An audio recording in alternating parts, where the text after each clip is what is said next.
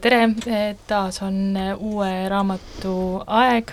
mina olen Elisa-Johanna. ja mina olen Triinu.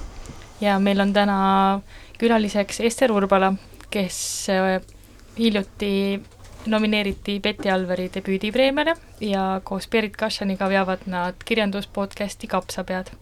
tervist! Kapsapea. kapsapea. kapsapea ja teie olete Kapsapead. me kutsume ennast kapsapeadeks, jah väga tore. Kas võiks öelda, et äh, Kapsapea sai alguse ühest äh, toredast äh, päevast, kui me kutsusime teid uue raamatu saadet tegema? jah, ma arvan, et Kapsapea sai alguse puändi kollasel diivanil kui ma kuulsin, et Berit hakkab ette valmistama saadet, ähm, kui ma nüüd ei eksi, siis see oli teemal raamatu Piinad äkki. Raamatud, mis on valmistanud kannatusi. just, jah mm. ja juhtus nii, et Berit kutsus mind siis kaassaatejuhiks, ma jäin kahjuks küll haigeks selleks päevaks, aga me valmistasime seda üsna kirglikult ette, Berit vedas selle ilusasti välja ja sealt meil tekkiski mõte, et ainest on nii palju rohkem ja nüüd me teeme siis äh, Levilale kirjanduspodcasti Kapsapea. Teil on esialgu välja kuulutatud, et neid tuleb kuus tükki aga ma olen aru saanud, et näiteks mulle endale ka väga meeldib neid kuulata ja inimesed on äh, väga teemas, et kas, kas te jätkate pärast kuuendat osa? ma loodan küll, meil on hästi palju teemasid ja vabariigi aastapäeval me kuulutame kohe järgmise äh, üleskutse välja, et selle kapsapea üks osa on tegelikult inimeste kaasamine ja me küsime siis inimestelt alati ühe küsimuse, et kas äh, milline raamat on valmistanud äh, häbi või millised on kulinaarsed elamused või kurameerimisvõtted kirjanduses, et meie see saate ettevalmistus tugineb hästi palju sellest materjalist, mis meile antakse. et me oleme hästi tänulikud selle eest.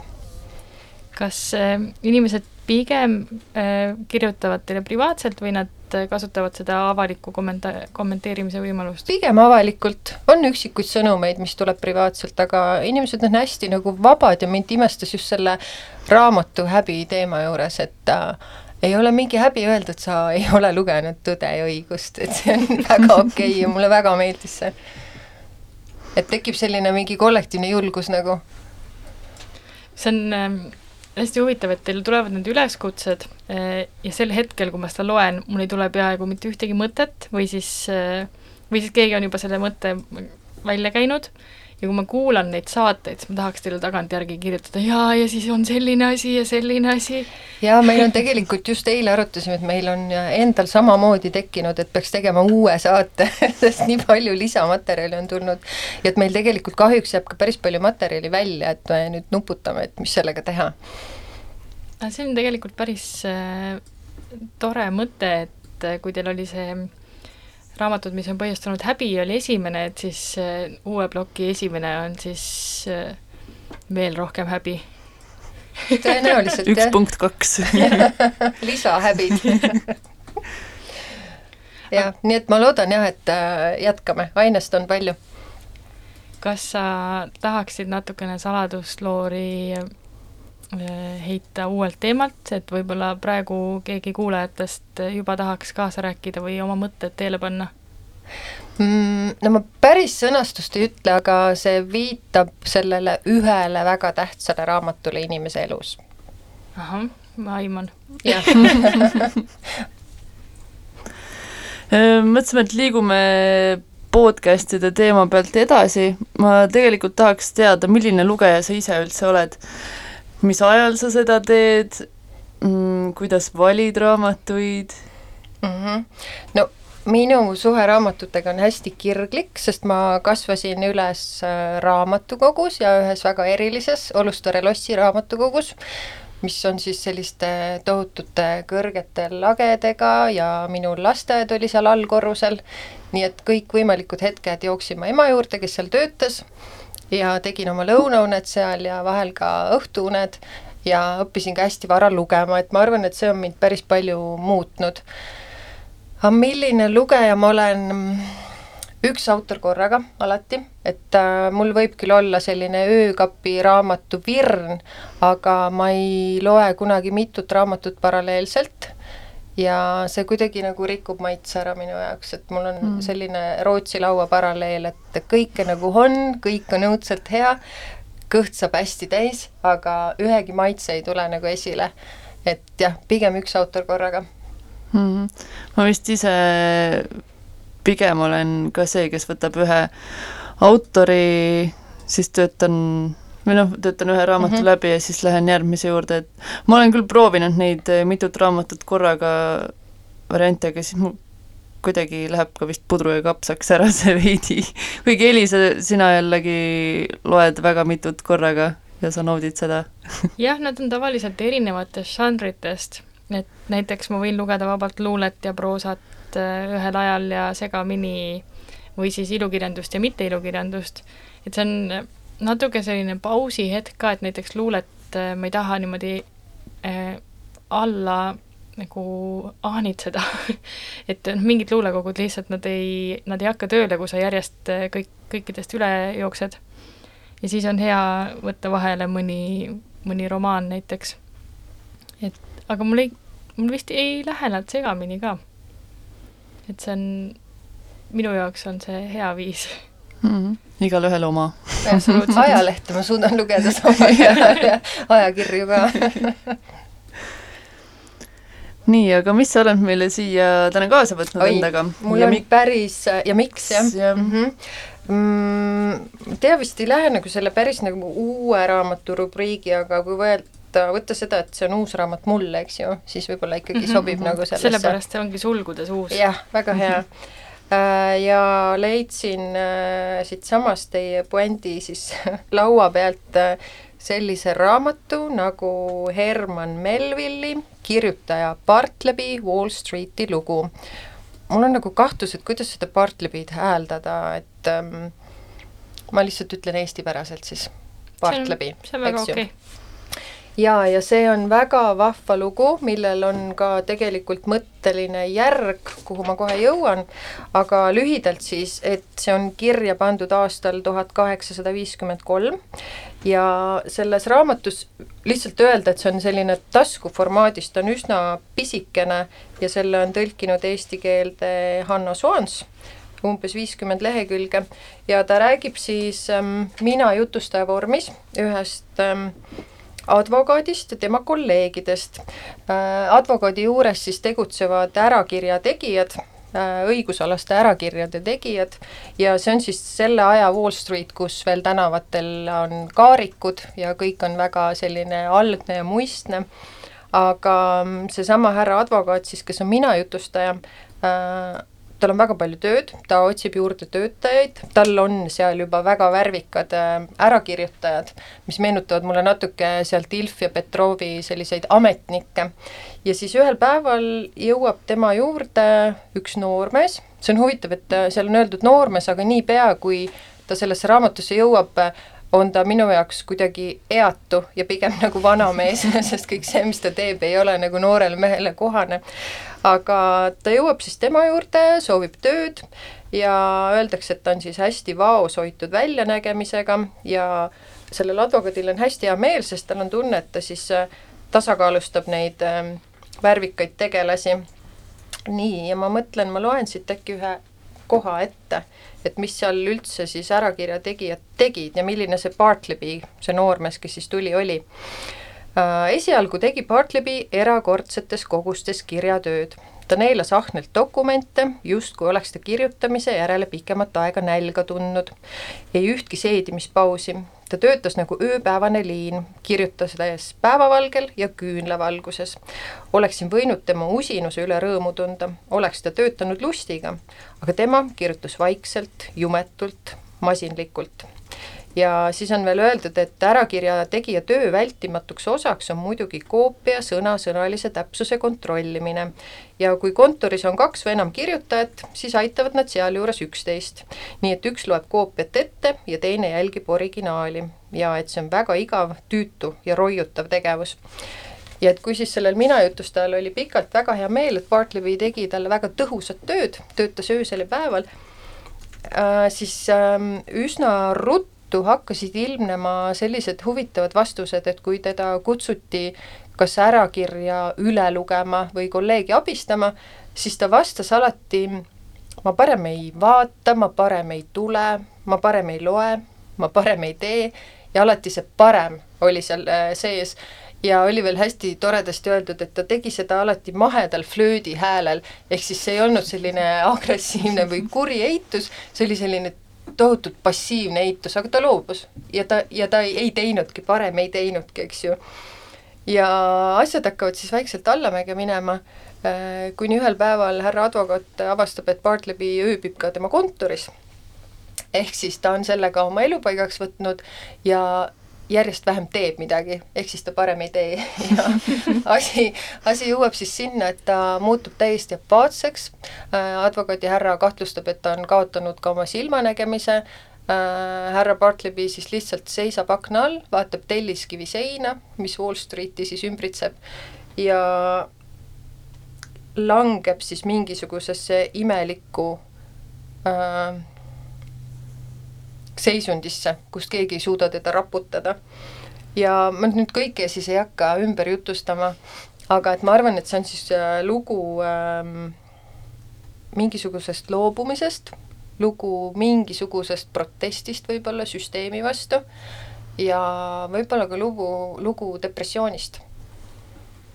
et hmm. sa, Elisa, oled seda etendust käinud vaatamas, mis nüüd sügisel tuli? Ma ei tea, kas Von Krahl mängib seda veel või mitte, aga nemad siis panid oma etenduse nimeks eh, Pigem ei, mis on siis suuresti sellel samal loole üles ehitatud ja Taavi Eelma kirjutas sinna veel lisa, lisaepisoode, kus eh, no ühest poolt on siis see Pigem ei ja selline see protestiaktsioon, aga siis eh, Taavi Eelma on sinna juurde pannud selliseid teravaid kommentaare nii Eesti ühiskonna kui kultuuri kohta üldse, et noh, kõik saavad natukene niimoodi eh, peksa seal et väga humoorikas tükk eh, on ta iseenesest ja ta on, eh, ta on mm, ma ütleks, et nagu ühise nimetajaga sellest, kuidas mitte alluda grupi survele mm, -hmm. mis on ka selles raamatus sees kindlasti see, et koos tegemine ja üks tüüp ütleb, et noh, ma parem ei teeks. et see, mis me enne ka rääkisime siin omavahel, et et kui Kraalist tuli pigem ei etendus välja, siis sellest sai mingisugune käibefraas, mida inimesed kasutavad, et see natuke nagu leevendab mingit asja, mida sa üldse ei taha teha mm. -hmm. ja siis noh, pigem ei. jah, seal raamatus ka oli, et kuidagi äh, et see tekitas alguses nagu jõuetut viha, kui keegi ütleb, parem ei tee, parem ei tule, aga et see oli kuidagi nii nagu leebelt ja elegantselt öeldud, et oli nagu võimatu nagu vihastada selle inimese peale, et pigem nagu tunti kaasa, et et selle peategelase tunded käisid siis ka üles-alla, et ühel päeval ta tahtis kutsuda politseid, et teda sealt välja visata oma kontorist, sest ta tõesti elaski seal, ja kui see õnnestus, siis ta elas edasi äh, koridoris trepi käsipuu peal. Oli öeldud, ja, ja ikkagi selline nagu kaastunne säilis tema vastu, sest ta mm -hmm. ei mhm. olnud agressiivne loobuja, ta ütles, et ta parem ei teeks seda. jah, mul tuleb kohe muidugi silme ette Marika Vaariku mängitud äh, roll, kus ta oli siis selle kontori see ülemus või see boss mm. -hmm. et äh, kui nii elavalt äh, mängis välja selle üllatuse, et oot, ta sa ei taha meiega koos teha Just. asju. kuidas see on võimalik? Jah, et ja sa ütled ka veel nii, et see hämming. aga kuidas see Bartleby seal välja oli mängitud, kes, kes või milline ta oli, täitsa huvitav praegu. kuna ma ei ole seda teksti täielikult mm -hmm. nagu otsast otsani läbi lugenud, siis minu jaoks on noh, selles suhtes, et on ta Lauri Lagle sada protsenti. Mhm. et ma ei saa enam seda praegu nüüd mul ka ma ei saa enam kunagi selle teksti juurde minna puhtalt lehelt et kuidagi see roll oli ka super, et noh, ta, ta ei lausunudki, vist ta ütles pigem ei ja siis pigem mm -hmm. ei teeks, pigem Just. ei läheks, tal ei olnud rohkem sõnalist osa. et see, kuidagi see vaikiv äh, olek ja see selline emotsioonitu nägu, see mm -hmm. noh, mhm. suurepärane, et ma arvan, et see, võib-olla su silme ette tuli see see tegelane no selline kõhetu tüüp jah, aga just jah, nagu ma ütlesin, et nagu noormehena, kuna ta oli nii nagu halliks mängitud, siis mulle tundus, et noormees on keegi punaste põskede ja tohutu nagu elurõõmuga, on ju, et nagu noormehe jaoks on seda nagu liiga palju. ja ma arvan, et seal oli osa Grimmil ka, aga Lahle mm -hmm. ikkagi nägi ka suhteliselt hall kuju välja seal etenduses. et ta võis natuke olla kühmus ka kindlasti või jah, see on mingi selline äh, kui ma mõtlen selle peale, kuidas ta sinna rolli oli nagu visuaalselt asetatud, siis tal oli, kas tal oli üks soni peas ja siis kogu see nagu palett oli selline kartulipruun mm. -hmm. selline mm -hmm. jah, natukene nagu ei paista kuskilt välja, aga jah ja. mingi kogu on. ma tegelikult ühe toreda kohe markeerisin veel ära, mis võib-olla ka tema seda kõhetust nagu illustreerib. see on siis see hommik, kui avastatakse, et ta elab kontoris ja siis see mina tegelane jutustab, et ähm, ühel pühapäeva hommikul juhtusin ma minema kolmainu kirikusse, et kuulata tuntud jutlustajat ja jõudnud kohale õige varakult, otsustasin töö juurest korraks läbi põigata. Õnneks oli mul võti kaasas, kuid seda lukuauku pannes tundsin, et seal on seespool midagi ees hõikusin õige üllatunult ja minu kohkumuseks pöörati seestpoolt võtit. välja ilmus Bartlevi kõhetu kogu, kes seisis viirastuslikult särgiväel ja mingis kummalises räbaldunud aluspesus paokil ukse vahel ja ütles vaikselt, et ta väga vabandab, aga on parasjagu äärmiselt hõivatud ja parem ei lase mind praegu sisse et, et ka siin oli see parem, parem ei. see ei ole küll selle eh, teosega otseselt seotud, aga mul kangastus silme ette Black Booksi osa, kus Manny ja Bernard siis äh, lähevad nii-öelda lahku oma professionaalsel teel ja Manny läheb kõrval äh, ruumi, ruumis asuvasse raamatupoodi tööle. aga kuna ta elas enne siis sealsamas ruumis koos Bernardiga seal majas, siis äh, ta avastab järsku, et tal on küll töö, aga tal ei ole kuskil ööbida ja siis ta teeb õhtuti nagu endast oleneva, et anda märku, kuidas ta mm -hmm. läheb mhm. koju, aga siis nii, kui kõik on läinud, siis ta hüppab magamiskotist leti peale ja laseb muffinimasinal aina muffineid ette laduda kõlab suhteliselt ihaldusväärne elu see on nagu selline humoorikas ja kurb korraga, et sul on mingi tüüp on nagu Jaani Ussike leti peal selline ei, ma ei maganud siin millest räägid Teil on kuhu jõuda nii on. aga ma ei tea, kas ma räägin kohe siia otsa selle, siis ma saan vaikselt ära hiilida, onju. et ähm, et sel sügisel ilmus siis ka tegelikult selles samas äh,, mitte nüüd öelda, et Bartlebi tuules, aga kasutades äh, põhitegelasena sedasama Bartlebit äh,, ilmus Loomingu raamatukogus äh, Enrique Villamata äh, raamat nimega Bartleby and Co ja see siis äh, räägib kirjanikest või kirjanduslikest tegelastest, kes on siis ühel hetkel kirjutamisega lõpparve teinud. ja see on tõeliselt äh, lõbus lugemine just sellepärast, et äh, see autor tuleb välja, on tõeline vembumees, et äh, päris palju näiteid, millest ta siin räägib, ei ole päris. ehk siis ma hakkasin guugeldama päris mitmeid raamatuid, millele ta viitab äh, ja sain aru, et need on välja mõeldud näiteks üks väga fantastiline lugu ühest keskkoolist, kus õpetatakse ei ütlema, ma olin kohe kindel, et see tuleb eesti keelde tõlkida aga, aga seda ei ole olemas kahjuks. ja, ja siis ta aga ta miksib sinna sisse ka nagu päris autoreid, ehk siis näiteks Kafkat, kellel tõesti oli mingisugune teema selle mittekirjutamisega, või äh, kuulus vaikija Salinger, ja näiteks siis need põhjused, mida tema seal välja toob, äh, miks parem mitte teha, näiteks et ma olen juba kirjutanud kaks teost ja sellest aitab, või üks näide, ma pakun, et see võis olla fiktsioon. Äh,, onu suri ära. see kõlab nagu koer sõi koolitöö ära, aga seal oli see mõte, et onu, kes jutustas fantastilisi lugusid, mida autor sai kirja panna, oli nüüd järsku ära surnud ja lood said otsa, järelikult selle onu, onu eluajaga. Äh,. aga siis oli ka toredaid näiteid äh, kirjutajatest, kes ei ole kunagi hakanud kirjutama mis on iseenesest huvitav konstruktsioon. Sest võib-olla me kõik oleme sellised. Aga mm,. jah, ja siis üks noormees, kes äh, sai tänu oma vanematele kohtuda maailmakuulsa kirjanikuga oma kodus, oli sellest nii vapustatud, et pärast seda ta ei kirjutanud enam kunagi. Ja ta ei olnud ka veel jõudnud kirjutada midagi. Nii et see on üsna selline nagu lõbus raamat, siin on ka üks hästi värvikas kirjeldus, kuidas äh, autor või siis see mina jutustaja kohtub Salingeriga New York, New Yorgis ühes bussis ja kuidas ta võtab tohutult hoogu, et siis autorile austust avaldada, küsida, miks ta ei kirjuta, aga Salingeri kõrval on üks väga kaunis naine ja ta armub otsekohe sellesse naisesse ja siis tal käib selline peas selline dialoog, mida öelda naisele või mida öelda Salingerile ja ta ei suuda otsustada, et kas avaldada ühele austust või teisele armastust. Ja siis muidugi mm. lõpuks tuleb minna sealt bussist juba maha, sest peatus on kätte jõudnud, eks ju ühesõnaga väga suur lugemissoovitus nende kahe raamatu näol, et aga just, et see Bartleby isik, et ma parem ei tee, on siis toodud siia raamatusse selle mõttega, et ma parem ei kirjuta rohkem või ma parem ei ütle midagi.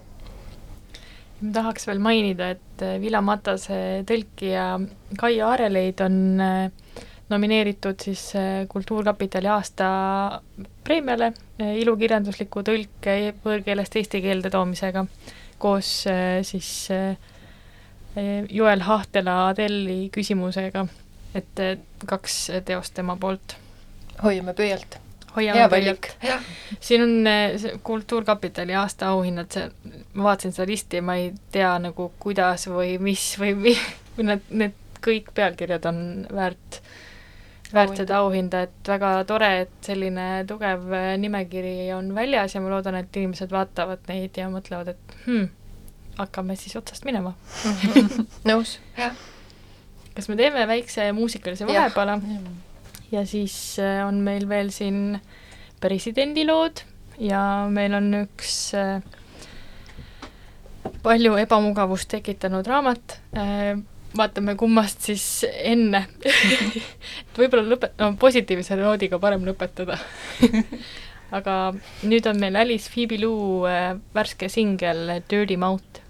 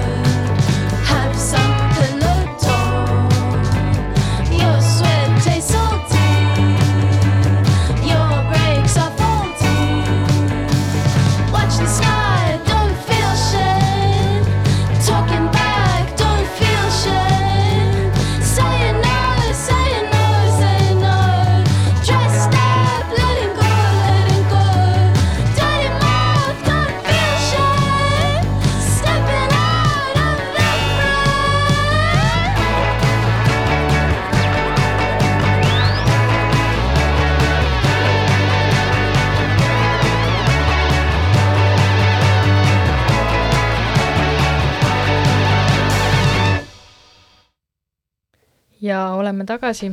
me vahepeal siis jõudsime otsusele, et äh, läheme edasi masendava teemaga, et jõuda positiivsesse et äh, äh, eelmise aasta rahvusvahelise Pukkeri auhinna koos siis tõlkijaga sai Marike Lukas Riineveld raamatu eest The Discomfort of Evening.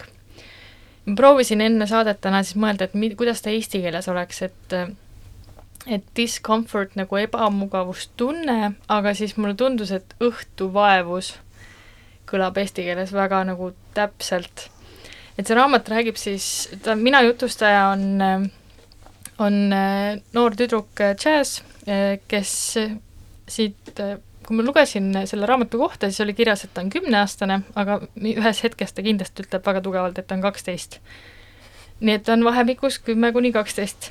et see lugu ise ei ole nii pika kestusega, et ma ei usu, et see kaks aastat saab olla, aga võib-olla ma lihtsalt olin selles õõvas ise nii tugevalt sees, et mulle tundus, et see, see õõv kestis lühemat aega. aga see on siis lugu, ühe perekonna lugu, kus äh, kõige vanem poeg äh, saab surma, kukub läbi jää ja upub ära, niisugune uppumise, külmumise surm, väga inetu ja see pere elab leinas väga pikalt, nii et ema näiteks ei saagi sellest üle ja ta langeb depressiooni. Ja koos selle depressiooniga siis ta sulgeb ennast täielikult kõikide pereliikmete eest, ta ei söö või siis ta teeskleb, et ta sööb, või näiteks kui ta perele süüa lauale paneb, siis ta käib hästi palju laua ja kappide vahelt, et oleks mulje, et ta kogu aeg teeb midagi, aga tegelikult ta ei söö. aga siis see mina tegelane pidevalt märkab seda ja siis on äh, äärmiselt äh, usklik äh, isa, kes selle asemel, et oma lastega suhelda ja nende küsimustele vastata, siis küsib vastu, et aga kes siin peres küsimusi küsib üldse. ja kui sa vastad talle, et jah, sina isa, siis ta ütleb ei, jumal. et selline nagu hästi karm isafiguur, masenduses emafiguur ja siis on peale siis selle vanema venna, kes hukkub, on veel kolm õde-venda kaks õde ja üks, eh, üks vend, kes siis kuidagi niimoodi omapäi peavad eh, üles kasvama ja samas ka oma leinaga tegelema, sest nemad ju kaotasid samuti oma, oma venna, kes neile väga kallis oli. et selles loos on, kuna see ebamugavustunne on juba pealkirjas, siis ei ole nagu põhjuseta, vaid see lugu ongi äärmiselt ebamugav algusest lõpuni et ma proovin siis sellest rääkida nii, et ma liiga palju nagu ei reedaks, aga ma panin enda jaoks kirja mingisugused erinevad märksõnad, et mis seda ebamugavust siis tekitavad. et sellest leinast ma rääkisin, et äh, üks asi on siis see, kuidas vanemad sellega tegelevad, aga see oskmatus või kuidagi nagu eh, tahtmatus siis sellest, seda kuidagi kommunikeerida või sellest abi saada enda jaoks, see tekitab ühe ebamugavuspunkti.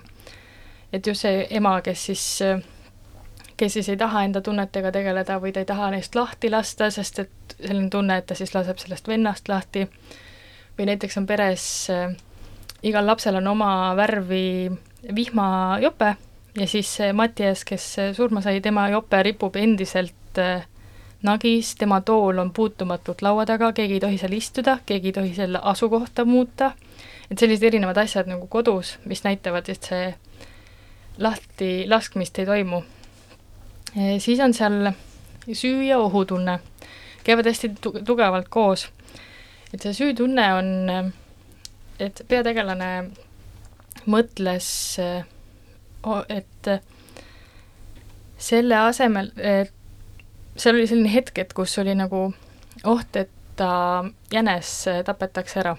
et jänes siis süüakse ära, mis on niisugune farmielu puhul suhteliselt nagu tavaline nähtus et sa ei tohi liiga tugevalt oma koduloomadesse kiinduda, sest võib juhtuda, et sa pead üks hetk teda sööma. ja siis oli oht, et ta jänes siis äh, pannakse laua peale ja ta mõtles sel hommikul, et armas Jumal, äh, palun tee nii, et, äh, et ma saaks oma jänese alles jätta ja võta mu vanem vend selle asemel.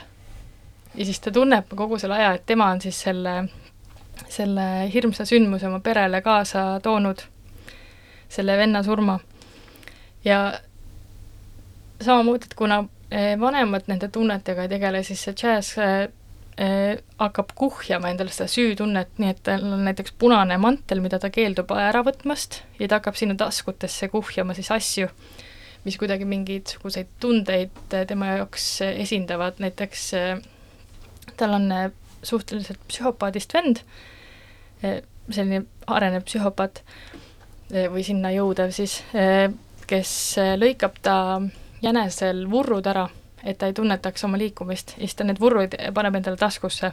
ja need vurrud on seal taskus kuni siis loo lõpuni. ja näiteks juustulusikas, mida ta ema kasutab juustu tegemiseks, et ta salaja paneb selle endale taskusse. et teada, et kas ema üldse märkab või siis, et see juustu lusikas kuidagi saab rohkem hellust kui tema oma emalt ja siis see on nüüd tema taskus ja see sümboliseerib seda, seda, seda igatsust. ja see ohutunne, mille, mida ma ka mainisin, ehm, kui ma ütlesin, et ta on psühhopaadist vend, see väljendub eh, läbi raamatu väga, väga ebamugavates kohtades, aga näiteks selles, et, et ta vend ütleb talle, et selleks, et meie vanemad saaksid elada, pead sina tegema ohverduse. ja siis need ohverdused on nagu läbi raamatu sellised erinevad asjad, mida ta laseb sellel äh, tüdrukul teha. Ja iga kord, kui see tüdruk siis teeb seda, sest et teda ähvardatakse vanemate surmaga, et nemad saaksid edasi elada, siis pärast seda, kui ta on mingisuguse räige asja ära teinud, ütleb vend talle, uskumatu, tegidki.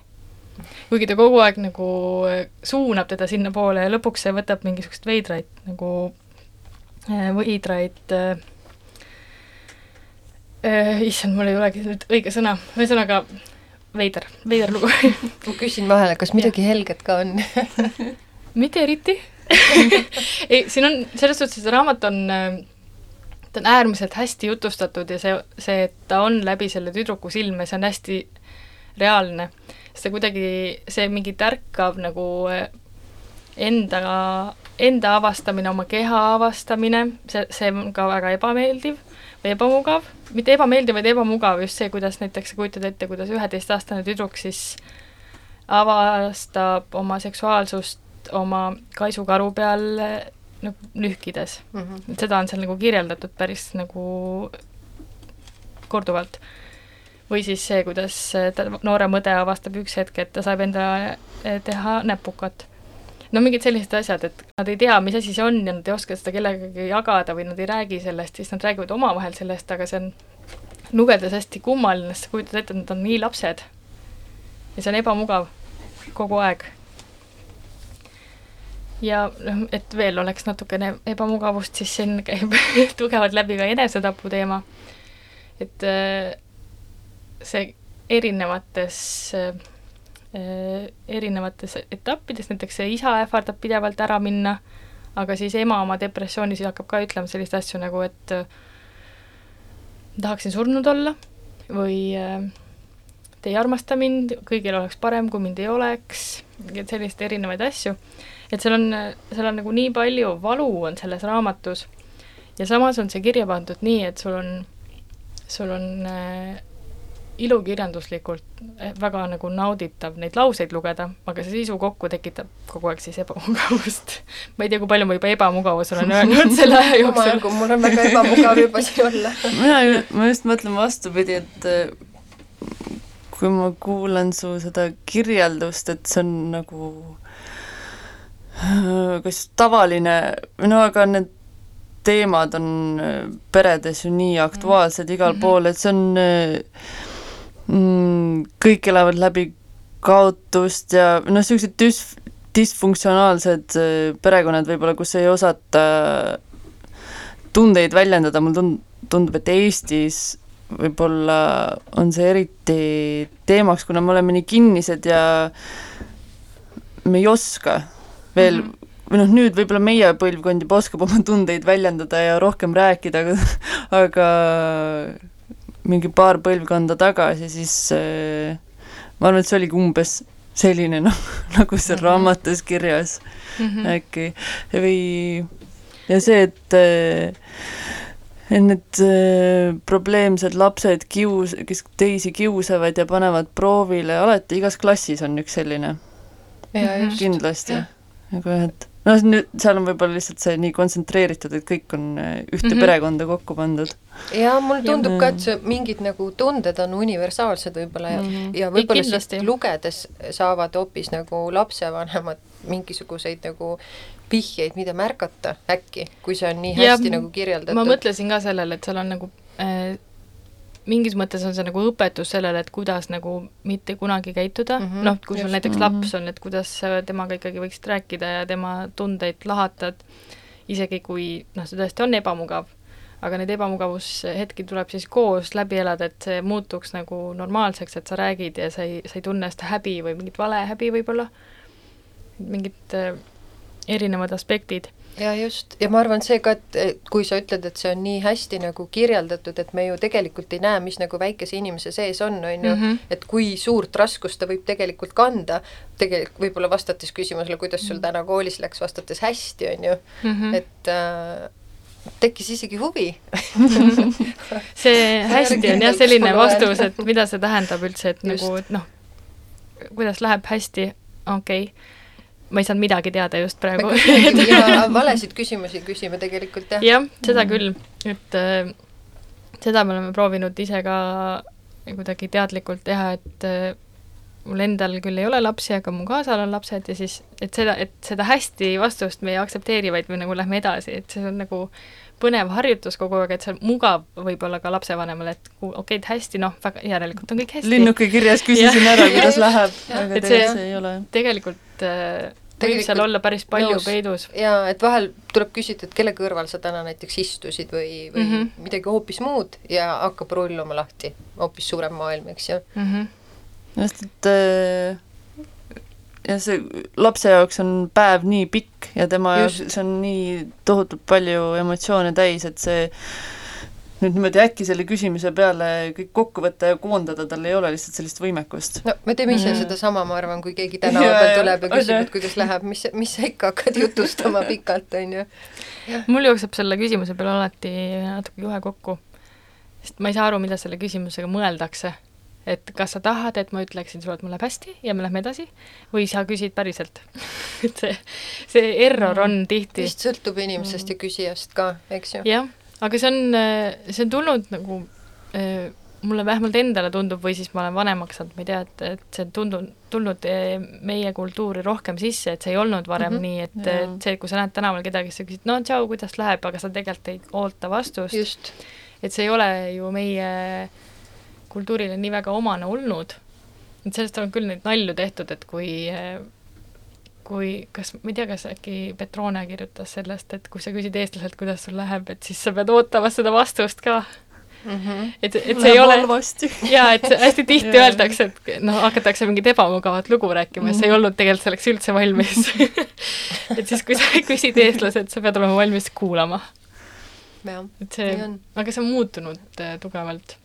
on ja isegi, ma olen tähele pannud, et et et isegi ei oodata enam seda hästi vastust ära mm, -hmm. vaid lihtsalt need küsimused visatakse õhku, ilma et neile vastatakski. see on nagu tere asemel yeah, juba. Mm -hmm.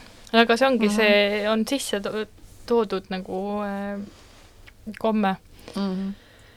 Ehm, ja ma selle raamatu ka koos siis aega veetes ma lugesin seda raamatut umbes kaks nädalat, sest et ma ei suutnud seda järjest lugeda aga mul tuli paralleel äh, Sussi raamatuga Väike tüdruk, kes armastas liialt tulelikke äh,. see, seal on nagu veits sarnaseid teemasid käsitletud, aga natuke nagu äh, võib-olla veel julmemalt, sest et seal on et mitte rikkuda kellegi jaoks ära, siis see lugu algab sellega, et on kaks venda, kelle isa teeb enestapu aga need kaks venda siis ei ole mitte kunagi, noh, nad on näinud oma elu jooksul veel kolme inimest peale oma isa. ja siis nad peavad tegelema hakkama siis sellega, et äh, isa on surnud, meil on vaja nüüd siis selle asjaga tegeleda. aga miks see nii on, et nad on näinud nii vähe inimesi? Need, nad on hoitud äh, oma kodus nagu mm -hmm. eemal teistest, et nad ongi näinud kaugelt teisi inimesi, nad ei ole isegi rääkinud nendega. siis nad peavad sellega tegelema hakkama ja siis järsku selle looga rull, rullub välja kuidagi sellist mingit ebamugavaid äh, arusaam- või noh, mingisuguseid asju, mis nendega on juhtunud või mingid arusaamad, mis neil elust on või mida neil ei ole. et selles suhtes oli hästi palju sarnasust selle Riineveldi raamatuga, väga soovitan mõlemaid. Väga-väga Nad on, nad on ebamugavad. Nad on ebamugavad, aga nad on väga head, et see äh, väike tüdruk on veel pungil täis teiste raamatute tsitaate. Et Triinu Tamm on selle eesti keelde tõlkinud ja ta esitlusel ütles ka kunagi, et ta ei tea nagu lõpuni, kas tabas kõiki neid tsitaate mhm. sellest raamatust, et seal on äh, üks peategelastest siis, kes seda lugu kel-, noh, keda see lugu siis jälgib suuresti, ta on oma hariduse saanud teistest raamatutest, nii et ta räägibki natukene läbi teiste raamatute või kõik need asjad, mida see siis väljendab, on näiteks eh, kuskilt raamatust ja kui sa oled tõlkija, siis sa pead kuskilt mm -hmm. nagu tabama, et ahaa, see nüüd oli see tsitaat, see oli see tsitaat. selline nagu mõnus väljakutse. Aga lähme edasi helgete ma, helgete teemade juurde. Ja kuidas teil on suhted vabariigi aastapäevaga? Meeldivad. Vaba päev, jess mul on kaasas siis ähm, Aino Perviku presidendilood, millel on äh, hästi vahvad, toredad äh, pildid joonistanud Piret Raud, kes tema käekirja teab, siis äh, siis oskab juba oodata siit äh, selliseid veidi krutskiga, aga ägedate detailidega pilte. aga presidendi lood on siis äh, ütleme et lasteraamat sobilik täiskasvanutele ka, nagu alati. nagu kõik head lasteraamatud. aga räägib presidendist ähm,, ta kuidagi toob hästi mm, välja selle, et äh, president on ka inimene ja tal on inimlikud soovid, huvid, äh, ta tahab teha teisi asju ka peale ametlike kohtumiste ja, ja presidendi lossis elamise. ja siin on äh, siis erinevad lood sellest, kuidas kuidas ta nendega hakkama saab ja milliseid krutskeid see president tegelikult täis on. ma ei tea, kas need on isegi krutskid, aga muidugi väga inimlik mm, -hmm. inimlik inimene inimlik president üks kõrvaltegelane võib-olla on see lapselaps, kes aeg-ajalt nagu sekkub, et teda yeah. mitte isegi rutiinist, vaid sellest nagu raskusest välja tirida. või võib-olla see lihtsalt on nagu hea vabandus, et minna kelgutama, kui sul on külas mingi lõunamaise riigi saadik mm -hmm. või midagi sellist, et võib-olla see oleks ka üks äh, ideaalpresident kui niimoodi mõelda võib-olla tõesti, jah kes käib kelgutamas või? kes käib, kes käib kelgutamas, kes äh... meie president käis Tartu maratonil just eile ju oh,. peaaegu meil on praegu hetkel väga, väga sportlik president. jaa, ja kes äh, armastab koeri ja toob salaja, paneb äh, siis sinna lossiaeda, ehitab ja. kuudi näiteks kutsule ja ja aitab menetleda munaseadust, ehk siis mõelda, kuidas kanad oleksid õnnelikumad, on ju. ja aga minu meelest äh, see väga hästi kirjeldab ka presidendi ametit lastele just mm -hmm. sellest aspektist, et millised on tema äh, tööülesanded, sest et see ampluaa on päris lai, mida ta tegema peab. ise võib-olla ei mõtle ka nii palju, et, et milliseid kohustusi ta oma õlgadel peab kandma, et võib isegi öelda, et minu silmi ka avardab. jaa, ma just tahtsingi öelda, ma olen ka lugenud seda ise ja koos lapsega, aga et ta võib-olla isegi tõesti on ka nagu lihtsustatud vaade täiskasvanutele, just selle nagu ja. mõistmise poolelt, et kui ongi vabariigi aastapäev ja sa oled haige, siis sa ikkagi lähed paraadile ja ütled kõikidele tervist või siis atših, eks ju.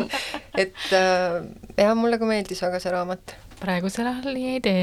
praegusel ajal nii ei tee, jah mm. -hmm aga siin oli ka, mina lugedes nagu tabasin ennast mitu korda, et siin kutsutakse presidenti vanaisaks ja ikkagi see tänane naispresidendi kuvand on mulle juba nii kinnistanud, et mul tekkis mitu korda, et mis vanaisa, meil on ju naispresident, eks ju. Äh, ja ma ise tabasin ka ennast sellelt mõttelt, et oota, mis see oli, esmatrükk oli sellel kaks tuhat kaheksa aastal, aga nüüd on teine ja parandatud aga ma mõtlesin just selles valguses, et nüüd on äh, kuidagi rohkem äh, esile tõstetud need teemad, et naised on ka juhtivatel positsioonidel, nii mõtlesin, et siin on selline vana mm, vana mees, president kuidagi hästi klassikaline. et äh, mõtlesin, kui see oleks nüüd praegu just uuesti kirjutatud, et kas oleks ka teistmoodi olnud seal midagi või mitte. kolmas parandatud trükk tuleb naispresidendiga. mitte seda, et peab äh, tingimata alati kohe mm, panema naispresidendiga, mõtlesin, kas seal oleks mingeid mm -hmm. teisi nüansse, kas need väga klassikalised äh, positsioonid olid kuidagi. just. mis ei ole halb, aga lihtsalt jah, mul endal lugedes tekkis see, see mõte korraks, kerkis esile. aga selle munaseadusest kuna ma seda mainisid mm, -hmm. siis ma loen siit ühe väikese jupikese ette, kuidas ähm, ühesõnaga, teemaks oli see, et milliseid mune võib müüa välismaale ja milliseid siis meil siin kodumaal. et kas neil peaks kuidagi vahet tegema ja kuidas saab õnnelike kanade mune. jah, just. nii. ja siis äh, oli seadus seaduseelnõu ja siis tehti parandusi sinna. tuli välja, et munaseadus on puudulik, sest seal ei ole midagi räägitud kanade tuju tõstmisest. president ei kuulutanudki seadust välja. president pani ette teha seaduses parandusi, näiteks tuleks kanadele näidata linnufilme ja mängida neile head muusikat. parem veel, kui nad saaksid kuulata teiste maade kanade kaagutamist. Neil võiks olla omavahel internetiühendus siis nad saaksid ka uudiseid kanade elust mujal maailmas. veel võiksid kanad teha aeroobikat ja neile võiks korraldada iludusvõistlusi. lehmadel ja koertel ju on iludusvõistlused, miks ei võiks siis valida ka kanade iluduskuninganna? igatahes tuleb kanade hall argipäev muuta säravaks ja lõbusaks. võib-olla hakkavad nad siis munema isegi värvilisi mune, näiteks lihavõtteks meie kanade munetud värviliste lihavõtte munadega võiks meie riik kogu maailmas väga kuulsaks saada. see on siis väike näiteke, jah. otsides Eesti Nokiat. kisu tekitaja hästi lõbus. Äh, ma arvan, äh, jah, vabariigi aastapäeva eel igati kohane raamat me mõtleme selle kanade vabaduse ja värviliste munade peale, et põhimõtteliselt ju klapib, et vabapidamise kanade munad on täitsa ise värvi mm. -hmm. ja, ja erinevaid värve leiab sealt. just äh, tulin äh, Viljandist vanemate juurest, kus mul alati pakitakse kaasa mitu karpi mune ja ma hakkasin neid kodus eh, selle külmkapi munaresti sisse laduma ja need olid lihtsalt nii suured, et need ei mahu sinna kuidagi ära, siis yeah. see, ja siis mul oli paar poemuna oli seal E-, eelnevalt jäänud, siis nad olid niisugused kuidagi miniversioonid, tundusid hädised. ja minu tädi ka pani terve suve mulle ja tal oli hästi tore komme kirjutada iga muna peale õrnalt hariliku pliiatsiga selle muna siis nagu munemise päev. et ma sain mm. niimoodi kronoloogiliselt neid munakarpe panna ja neid süüa. et see oli noh, hästi tore tunne iga hommik nagu võtta üks muna ja vaadata sealt, millal see muna on siis jõudnud. kas ta, äh, kanadel on kõigil nimed ka või mitte? Su tädil? tead, need vist olid kanad lihtsalt. Ma arvan, jah. Mm,. ma ise igatsen endale kanu.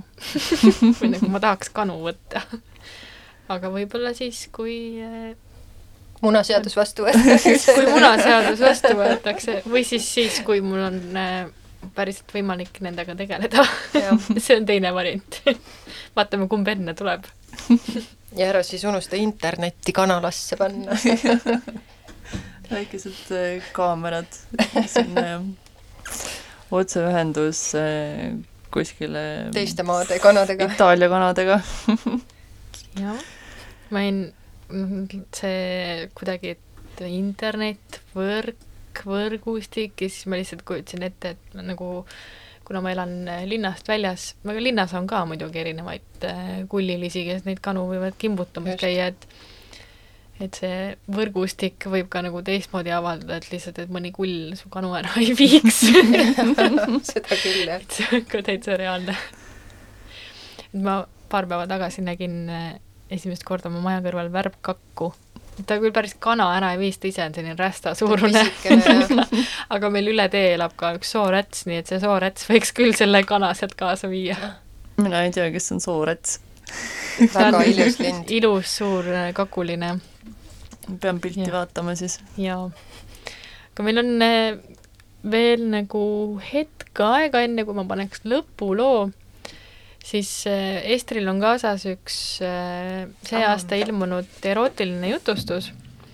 Omal ajal erootiline, ütleks ma vist siia juurde. nüüd on juba standardid on muutunud enam standardid vist on muutunud ja, ja kuule me..., ma ei tea, see on Aa, päris nagu mõnus. See..., ei, see, ta ei ole nagu, ta ei lähe enam erootilise jutustusele, aga ta on nagu mõnus mingisugune nagu ma ei tea, niisugune ma ei taha öelda seksipidu, aga nagu selline nagu need, need standardid minu arust on küll muutunud, et kui paljude inimestega sa võiksid nagu kahekümne nelja tunni jooksul seksuaalselt läbi käia.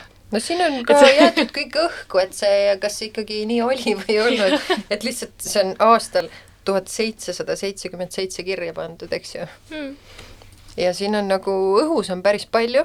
Mm., et lühikokkuvõte siis on, et ähm, on üks äh, jõuka mehe abikaasa, ma arvan, üsna heal positsioonil, naisterahvas, kes siis äh, otsustab ühe öö jooksul äh, äh petta, petmine on siin ka nagu ei ole muud nagu varjundit, aga et siis ühte noormeest, kelle ta kaasa võtab oma maamõisa, siis oma ametlikku abikaasat ja ka oma armukest mm. -hmm ja mulle hästi meeldis siin selle nina juures pidi vedama võib-olla teine nina pidi nagu... vedama just jah, mingit mängu mängima, eks ju, ja mulle hästi meeldis selle jutustuse juures, et siin oli just öeldud, et see kõik on hästi napp, see kõik jääb ühe ööpäeva sisse, see kõik lõpeb hommikuga ja mitte midagi ei järgne.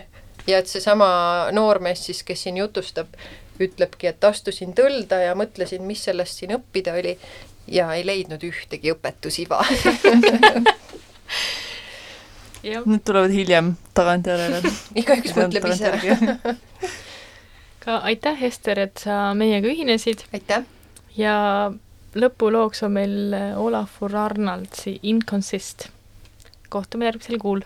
tšau! head aega!